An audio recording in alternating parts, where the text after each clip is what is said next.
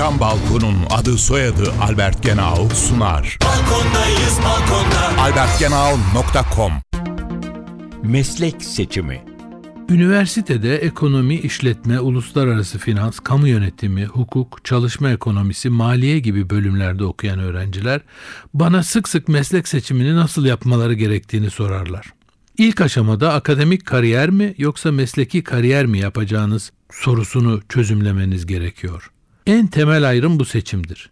Çünkü akademik kariyer yani üniversitede kalıp öğretim üyesi olmak ile mesleki kariyer yani okuyup edindiğiniz mesleğinizle ilgili bir işe girip orada yükselmek farklı çalışma ve hazırlıkları gerektiriyor. Eğer akademik kariyeri seçmişseniz o zaman seçtiğiniz alanda uzmanlaşmanız gerekiyor.